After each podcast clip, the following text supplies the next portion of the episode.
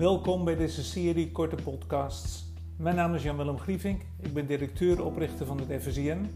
En in deze serie deel ik mijn visie op de ontwikkelingen rond de strijd rondom het maagaandeel. Dat is door het coronavirus en alle noodverordeningen van de overheid nogal veranderd.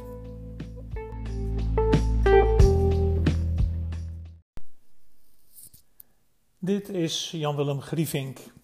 Opnieuw met een korte podcast over de waarnemingen die ik heb gedaan over de ontwikkelingen in de markt voor de buitenshuisconsumptie. Of zou je kunnen zeggen de veranderende strijd om het maagaandeel. We hebben al heel lang gezegd dat gemak en beleving de twee grote groeiers waren van met name de buitenshuisconsumptie. Gemak en beleving zijn nog steeds grote drivers, ze zijn alleen heel erg van karakter veranderd. Gemak voor de consument ook in de coronatijd en ook na de coronatijd zal dat blijven, is gericht op het ontzorgen van zijn dagelijks leven. En dat krijgt vele nieuwe vormen. Want de belangrijkste manier van ontzorgen is eigenlijk dat je veiligheid en gezondheid uh, kunt monitoren, zeker kunt stellen. En dat betekent ook dat foodbedrijven die zich daarop richten, in combinatie met hygiëne, een streepje voor hebben, zonder dat dat vervelend moet gaan worden. Je merkt nu al dat, nu de horeca net weer open is, kort open is, dat er toch een enorme terughoudendheid is bij consumenten om massaal weer gebruik te gaan maken van de horeca. Voor een deel ligt dat omdat het gewoon niet zo gezellig is. Die, uh, de social distancing heeft, maakt, brengt met zich mee dat het minder leuk is om met grote groepen. Het is zelfs onmogelijk om met grote groepen te komen. Het is ook onmogelijk, het is ook niet gezellig om tussen nep grote groepen te zitten die heel ver van elkaar afstaan.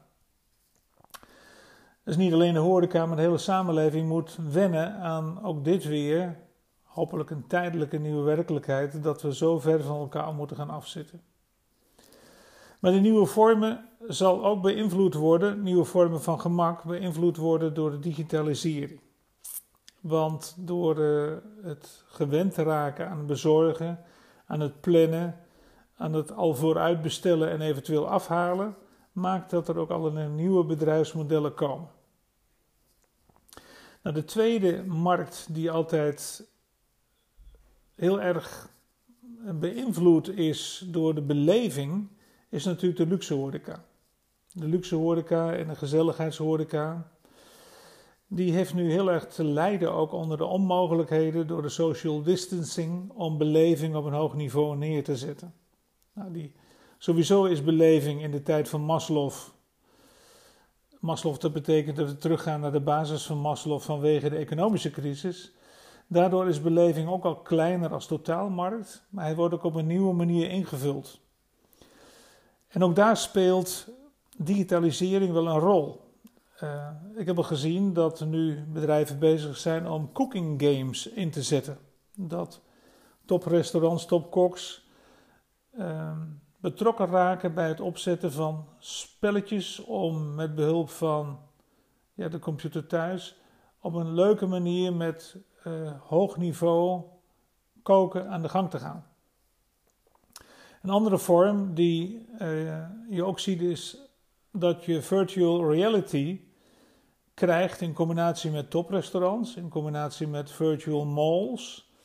En ik kan me zo voorstellen dat beleving, misschien zelfs vanuit veilige omgevingen, dan toch nog weer een invloed heeft die ook koken en ook restaurants nieuwe kansen biedt.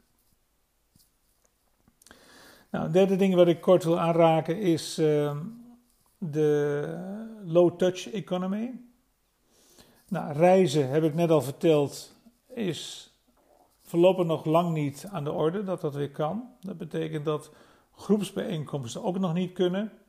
Dat we technieken krijgen om op een slimme manier toch afstand van elkaar te houden zonder dat ik voortdurend in mijn hoofd daarmee bezig ben. Betekent ook dat, ook al eerder gemeld, dat kantoren een heel andere karakter krijgen, minder gezelligheid, veel meer nadruk op veiligheid en hygiëne. Betekent ook dat de markt van catering heel erg op zijn kop gaat. Veel meer nog dan we aanvankelijk misschien wel eens hebben gedacht.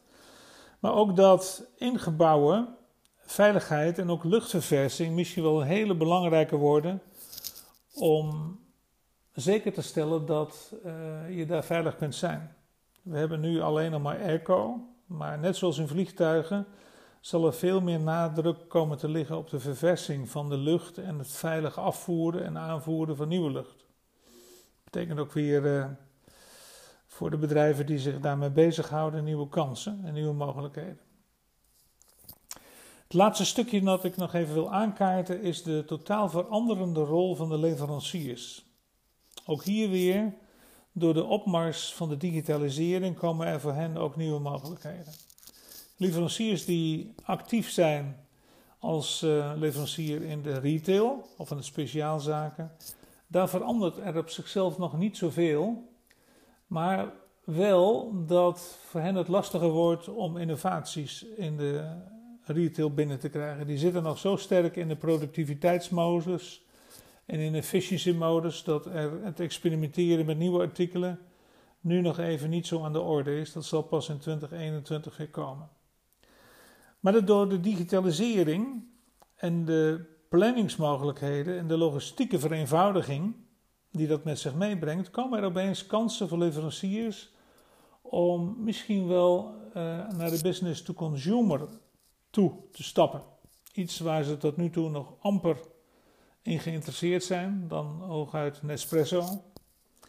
Maar als consumenten zich blootgeven en niet meer automatisch alles gaan halen, zowel in de horeca als in de supermarkten, bestaat de kans dat je misschien door middel van abonnementen dat wat consumenten bijvoorbeeld rondom merken regelmatig gebruiken, zou je ook als leverancier zelf daarvoor zo'n abonnementsvorm kunnen afsluiten met consumenten of groepen consumenten of in woonwijken uh, iets gaan doen wat je vroeger eigenlijk uitsluitend via de retail of via de horeca deed. Nou, daarop aansluitend is dat ook leveranciers, met name kleinere leveranciers, die zouden heel goed ook zich kunnen gaan bemoeien met cloud kitchens of dark kitchens die enorm in opkomst zijn vanwege die bezorging aan consumenten. Dus ook al kies je ervoor om als leverancier niet rechtstreeks naar consumenten te gaan, zou je er nog voor kunnen kiezen om leverancier te worden rechtstreeks aan grotere cloud kitchens. Dus keukens waar maaltijden of gemaksvoeding wordt bereid voor de horeca of voor cateraars of voor bezorgen aan huis. Waarom zou je als leverancier niet je gaan bemoeien met het leveren aan die nieuwe, snel groeiende doelgroep. Nou, betekent ook weer dat je anders moet nadenken over logistiek, anders moet nadenken over uh, uh, gezondheid, verpakking, veiligheid. Anders nadenken moet misschien wel over uh, geclusterde leveranties aan dat soort plekken in, op industrieterreinen. Kortom, ook voor leveranciers verandert er het nodige, maar het biedt ook nieuwe kansen. Nou, over alle vormen van nieuwe kansen wil ik in de volgende podcast nog verder ingaan. Tot zover even deze medio juni, de waarnemingen van veranderingen rondom die strijd in het maagandeel in 2020.